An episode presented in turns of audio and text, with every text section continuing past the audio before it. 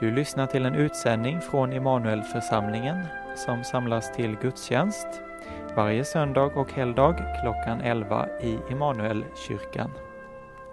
För information och kontaktuppgifter gå in på hemsidan immanuelforsamlingen.se.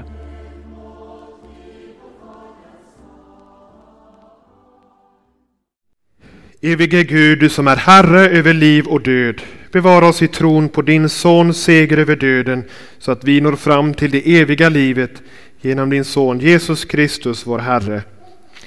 Amen. Hör Herrens ord på den sextonde söndagen efter trefaldighet. Från Gamla Testamentet läser vi, hör vi ur profeten Jesajas bok kapitel 26.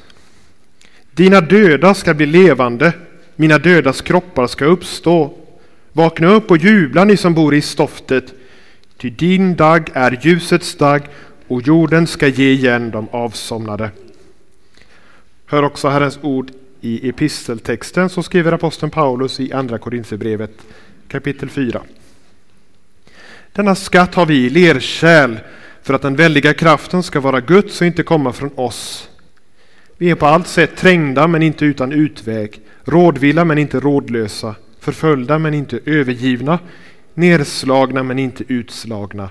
Alltid bär vi Jesu död, bär vi Jesu död i vår kropp för att också Jesu liv ska bli synligt i vår kropp. Ty vi som lever utlämnas ständigt åt döden för Jesus skull, för att också Jesu liv ska uppenbaras i vår dödliga kropp. Så lyder Herrens ord. Tackar dig. Upplyft era hjärtan till Gud och hör dagens heliga evangelium. Så skriver evangelisten Lukas kapitel 7. Jesus begav sig till en stad som heter Nain och hans lärjungar och mycket folk följde med honom. Just som han närmade sig stadsporten, se då bar man ut en död. Han var sin mors enda son och hon var änka. Mycket folk från staden gick med henne. När Herren fick se henne förbarmade han sig över henne och sa till henne, gråt inte. Sen gick han fram och rörde vid båren. Bärarna stannade upp och han sa, unge man, jag säger dig, stå upp. Och satte sig den döde upp och började tala och Jesus gav honom åt hans son, åt hans mor. De greps alla av fruktan och prisade Gud och sade, en stor profet har trätt fram ibland oss och Gud har besökt sitt folk. Och detta tal om honom gick ut i hela Judeen och trakten där omkring. Vi ber, o gode Ande, led du mig till sanningen och livet. Skriv i mitt hjärta vad av dig i livets ord är skrivet. Styrkt av din kraft, ledd av din nåd, jag vill ditt kärleksfulla råd i ord och gärning prisa. Amen.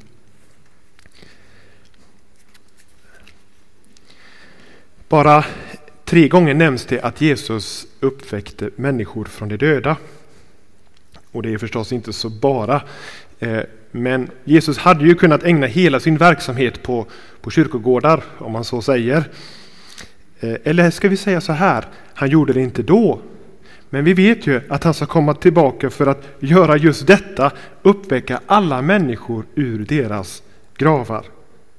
Så när vi nu i de här eh, i, i den här söndagens tre årgångar så nämns de tre tillfällena när Jesus uppväcker från de döda. Och då blir ju den viktiga frågan, men varför uppväckte han de här och bara dessa? Det pekar framåt något och vi får försöka få fatt på vad det är. Och i Nain, som är alltså ett av de tre tillfällena, så möts Jesus av en änka som följer sin enda son till graven. Det står att mycket folk gick med i begravningståget och man kan få den här känslan av att här har man liksom slutit upp mangrant för man kände så starkt för denna stackars kvinna. Inte bara för att hon hade förlorat en, ett, ett barn utan hon, hon var så utlämnad åt sig själv. Alla förstod ju att hon kommer inte att få det lätt. Det var hennes son. Det är svårt som det är att förlora ett barn. Men hans son var också hennes försörjning, hennes skydd, hennes liksom eh, eh hennes allt. Så det var detta som i hennes liv bara inte fick hända. Och det, de stora eh, folkskarorna vittnar om att de kände starkt för henne. Och så står det att Jesus möttes av det här och det står att, att också han kände mycket för henne i den här nöden. Han förbarmade sig över henne, står det. Då får vi som en första viktig inblick i hans hjärta. När han ser vår nöd, vår smärta, sorg, så är han inte blind för den. Även om vi inte skulle få tillbaka våra nära och kära ifrån döden, så vittnar denna berättelse om hans förbarmande som finns där. Du får tänka också för dig och för mig, eh, som uttrycks kanske inte med en uppväckelse, men på en rad andra olika sätt. Han är inte blind för det. Men så låt oss tänka några ögonblick på vad som hände med kvinnan de, de här dagarna då hon förlorade sin son eller där han togs ifrån henne. Det kanske rörde sig om några få dagar. Såklart sorg, smärta, undran, alltihop.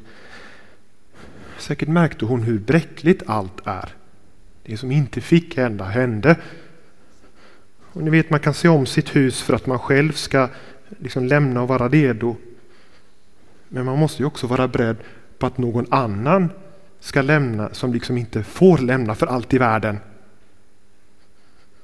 Och så gissar jag att änkan bara genom de här, de här korta eh, dagarna såg annorlunda på sitt liv efter att hon fått tillbaka sonen. Som en nådatid och också en viktig förberedelsetid. Vi får tänka på detta en dag som denna. Vad behöver Gud göra för att du och jag själva ska se det på det här sättet? Att vara redo att lämna. Och kanske också att ha tänkt åtminstone någon tanke på hur det skulle vara att bli den som blir lämnad kvar. Och en lärdom som Gud vill ge med att döden alltid är nära, som i det här fallet i berättelsen, eller ja, det är att vara förberedd i det jordiska, att vara beredd i det himmelska och när så sker, att man är förberedd och beredd, också kunna vara orädd i allt och inför en oviss morgondag. Så de tre orden, förberedd, beredd och orädd, ska få följa oss. Och först detta att vara förberedd i det jordiska. Jag kommer att tänka på en berättelse i Gamla Testamentet när jag läste om, om eh, Nain och det som hände. Och det var kung Hiskia som blev sjuk, som ni kanske eh, känner till, och fick veta att han skulle dö. Och det kom som ett dråpslag i ansiktet på honom. Han var inte beredd alls på det. Det var ju det här som inte fick hända. Eh, och han grät mycket, står det, av förtvivlan, av uppgivenhet, av kanske rädsla också. Men så fick han veta av Gud att han skulle få 15 år till. Och så kan man läsa hur han reagerade på det här i Jesaja kapitel 38. Där uttrycks en, en lovsång som han brister ut i. Och den här skulle man studera lite för sig själv, värd ett eget studium.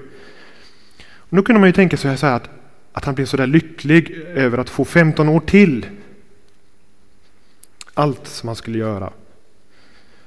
Men i den här lovsången så märker man att den stora glädjen kretsade kring Guds handlande med dem och särskilt genom den här sjukdomstiden. Och, och, och liksom när han såg döden i vitögat. För den gjorde att han mer än något annat tackade Gud för att hans synder var omhändertagna och att evighetens glädje hade Gud berett för honom. Det var liksom något som, som mognade fram på grund av det han mötte här när döden kastades i ansiktet på honom. Och lika fullt så fick han 15 eh, säkert väldigt produktiva år till. Det är möjligt att han där och då fast eller gjorde klart Hiskias tunnel. Jag vet inte om det är någon av er som har vandrat genom Hiskias tunnel i Jerusalem. Ett helt ofattbart vattenledningssystem under Jerusalem. Eh, eh, och det här systemet har ju tjänat Jerusalem i århundraden efter Hiskia. Och om du skulle få veta att du får 15 år till, 15, det, det, det är fastställt, så ska du komma ihåg en sak att då är det inte du som är den viktigaste personen, utan det är de som blir kvar. En sån här bucket list som ni vet, den ska inte kretsa kring jag och mig och mitt och vad jag ska hinna med och hur roligt jag ska ha mina sista år. Utan det ska handla om hur det kan bli så bra som möjligt för nära, kära, kyrka, stad, land när mina 15 år är över. För det som du har tagit emot av dina fäder och förfäder och som du har fått förvalta och ta hand om och göra något gott utav, det ska du också liksom lämna över här. Till vilka då? Jo, till de som blir kvar. Och ingen människa är ju så oumbärlig, eller ingen karriär är så viktig så att man ändå inte måste tänka in, det här måste jag lämna ifrån mig till någon annan, ja till dem som blir kvar. Och sen är det också ett litet uttryck för nästan kärlek att inte lämna bakom sig en, en, en snårskog när man, när man dör. Utan ha tänkt igenom sådana här saker som ja, testamente, sista vilja, konton, tillgångar och allt vad det är. För att inte tala om alla dessa lösenord som krävs till alla möjliga Eh, och man får inte ha samma lösenord och det får inte vara för enkelt lösenord om man har hundra olika lösenord som man måste hålla reda på. Och också en ung, frisk människa behöver tänka på det. För tänk på änkans son som dog alldeles för tidigt. Och jag säger det inte här för att skrämmas eller, eller liksom ta livsglädjen från någon. Jag behöver se om mitt eget hus. Jag, jag vet hur mycket jag inte har gjort när det gäller det här. Men jag undrar om inte genom att faktiskt ta med döden i beräkningen redan här och nu, också i unga år, att döden blir något mindre hotfull. När jag tänkt in detta uppbrott i förväg så kan jag glädjas över varje dag och varje år som jag får. Jag kanske fick långt fler än vad jag hade tänkt eller, eller ens vågat hoppas på. Men inte som en självklar sak utan som en gåva. Och jag kanske måste skriva om alla sådana här eh, testamenten testamenter flera gånger om men det, det är väl en liten sak i sammanhanget. Men det betyder inte att det kommer vara lätt att lämna eller att bli lämnad. Och de stora skarorna som följde änkan förstod ju hur svårt det blivit. Och inga förberedelser i världen kan ta bort all smärta, all vanmakt, ensamhet. Men Jesu förbarmande över änkan vittnar om ett förbarmande som är verkligt också för oss. För de av oss som blir kvar efter oss och för de som blir kvar efter oss. Vilket leder oss över till nästa del.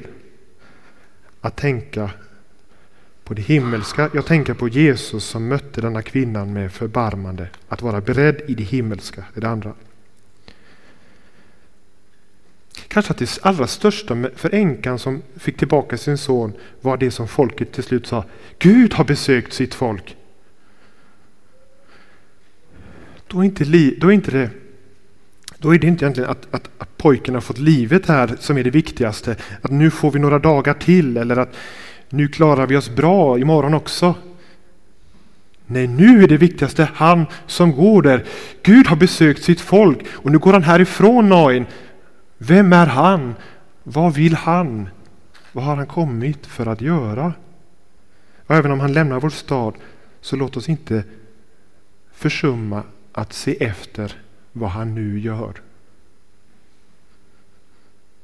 För nu vet jag, eller han vet ju det som jag nu på ett alldeles kännbart sätt vet, att om några år är jag borta och sonen är borta.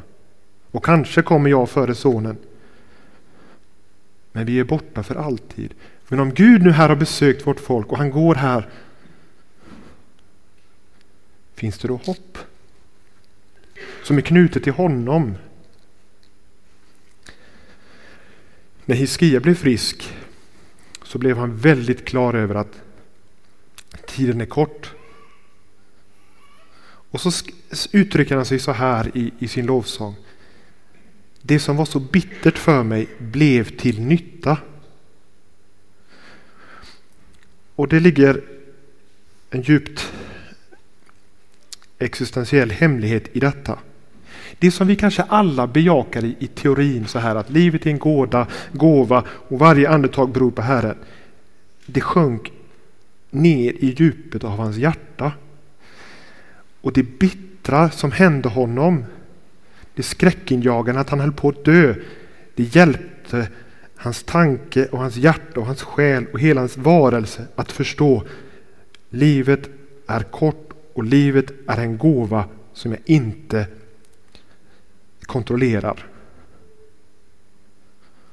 Och så kunde han börja, som en följd av detta, börja tacka Gud för det som han hade gett honom så många tårar. För om, om det kom genom den bittra sjukdomstiden, att han såg det här att livet är en gåva från Gud. Eller änkan, att hon började säga Gud har besökt sitt folk och låt oss följa honom. Då kunde ju inget vara bättre i den här världen.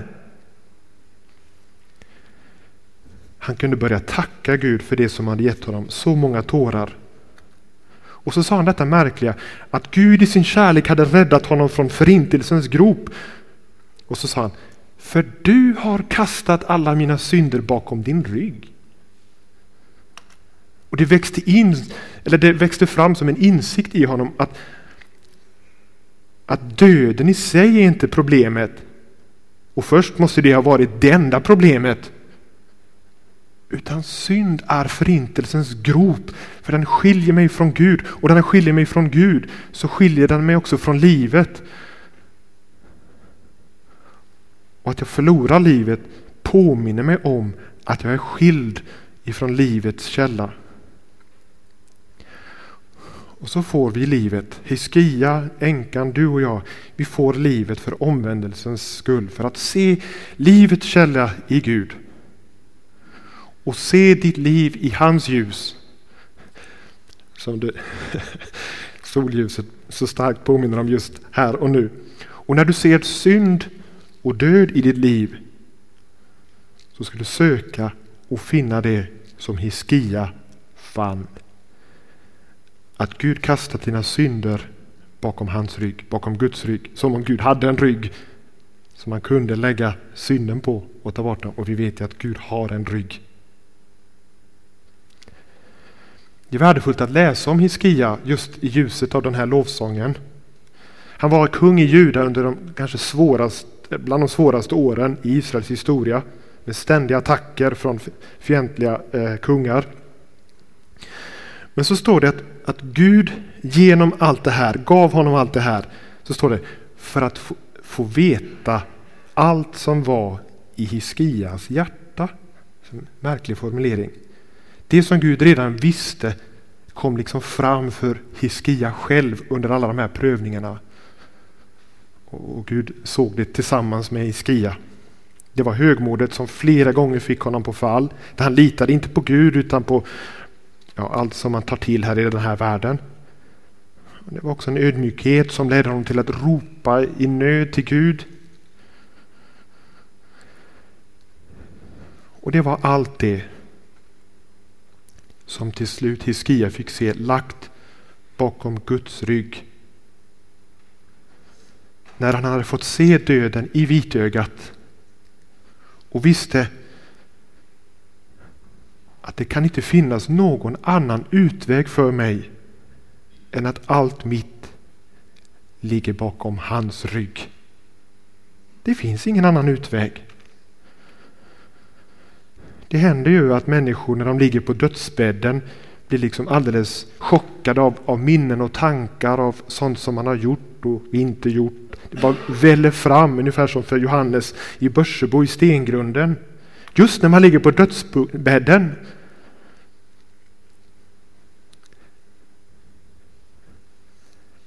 Allt det som kommer fram på dödsbädden och kan göra det oförberett och oväntat.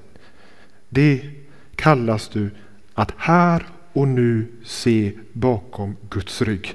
Och varje dag öva dig i att se att där är det i den dagliga omvändelsen så att dina ögon på dödsbädden finner sin vila i Guds rygg som bär dina synder för dig, den korsfäste Jesus. Det är ju att vara beredd i det himmelska. Det står att Hiskia blev frisk genom att man la en liten fikonkaka på en böld som han hade. Det kanske var en tumör, jag vet inte. Det låter som något. Men i alla fall, till slut så kunde Hiskia ta både sjukdomen och den här extra tiden som Gud hade gett honom som en gåva till att börja se på sitt korta liv och att se också på sin död med helt andra ögon. Och även om döden sen kommer oväntat, ovälkommet, plötsligt. Jag kan se på det med andra ögon. Och nu när han fick tre år till så kretsade lovsången till slut kring tre saker som jag till sist ska, ska nämna som också är en hjälp till att vara beredd i det himmelska. För det första, han säger ungefär så här. Hade han varit död så hade han inte kunnat tacka Gud. Men nu kan jag tacka Gud för stort och för smått. Och nu vill jag tacka Gud. Och han kunde vara tacksam för att han hade blivit tacksam. Att bli tacksam, att vara tacksam är en av de största gåvorna från Gud. För det förändrar både hur jag ser på mitt liv och det förändrar också hur jag till slut kommer att se på min död. Att vara tacksam det är att vara, bli liten inför Gud som ger mig allt av nåd. Så mycket han ger. Och inget härstammar från mig eller min förtjänst. Och det andra det var att, att, att Hiskia på ett helt nytt sätt det här, och det här byggde förstås liksom på, på, på, en egen erfarenhet. Ni vet, man talade om, om autenticitet idag, eller trovärdighet. Nu vill han få tala om Guds trofasthet för barnen, står det. Fäderna som talar om Guds trofasthet för barnen. Och han kunde inte låta bli. Låt mig få tala om Guds trofasthet, mitt barn. Och kanske hade han försummat den saken. Du vet, han var kung, han hade så mycket att göra. Och andra människor är ju en viktig del av att vara beredd i det himmelska. Att liksom det är ett andligt testamente som man lämnar efter sig till sina barn och till familjen och till alla människor som står en på något sätt nära. Och det kan också vara de trassliga relationerna. Att kunna säga ungefär så här. Gud har lagt mina synder bakom sin rygg. Och du mitt barn, jag lägger dina synder bakom min rygg. Kan du lägga mina synder bakom din? Och det kan vi inte kräva, men vi kan be det. Och för det tredje, som Hiskia, det som växer fram, det handlar om Herrens slutgiltiga frälsning, att få spela lovsånger, sina egna lovsånger i Herrens hus för alltid. Och detta med Herrens hus, det handlar inte om en specifik byggnad eh, eller en plats där jag tänker så här att livet efter det här kommer bli en behaglig plats, Herrens hus, och inte en obehaglig. Nej, det handlar om att vara där Gud själv är. Det är det som är det stora med Herrens hus. Att där är Gud och där får jag av nåd vara. Och han har tagit sig an min och din situation så fullödigt, så, så liksom fullkomligt att när du här och nu brister ut i tacksägelse och lovsång så är det ändå en, en försmak, eller skulle vi kunna säga så här, en, en, en övning inför lovsången som varar för evigt och att du då också får vara alldeles nära honom, se honom ansikte mot ansikte för alltid. Och så till sist, genom att vara förberedd och beredd, också vara orädd i allt. Att vara hos Jesus, nära honom, hos honom i hans ord och vid hans bord i bön. Det handlar ju till slut ändå om att låta den han är och det han har gjort och det han gör och förberett för dig liksom få sjunka in och bli din tro, bli din verklighet, bli ditt hopp, din tillflykt för imorgon. Eller för ikväll för den delen också. Men all oro inför imorgon den hämtar sin bästa lindring där hos honom. Är Gud för dig, vem kan då vara emot dig? Människor kan göra dig illa, till och med döda dig, men de kan inte ta din uppståndne Herre ifrån dig. Din tid står i hans händer. Han ser en sparv falla från himlen. Han ser ditt hårstrå när det faller. Det har han i sin hand. Och du får de dagar som är avsett för dig, avsedda för dig och blir de inte så många så har han ändå avsett det bästa för dig. Till slut. Och oron för vad som ska hända dem som blir lämnade kvar. Det är ju till slut hans egen oro. Och att se på sin egen umbärlighet det är en nyttig övning för tron som somliga av oss behöver öva oss i. Och oron över att jag själv blir ensam ligger också på hans hjärta.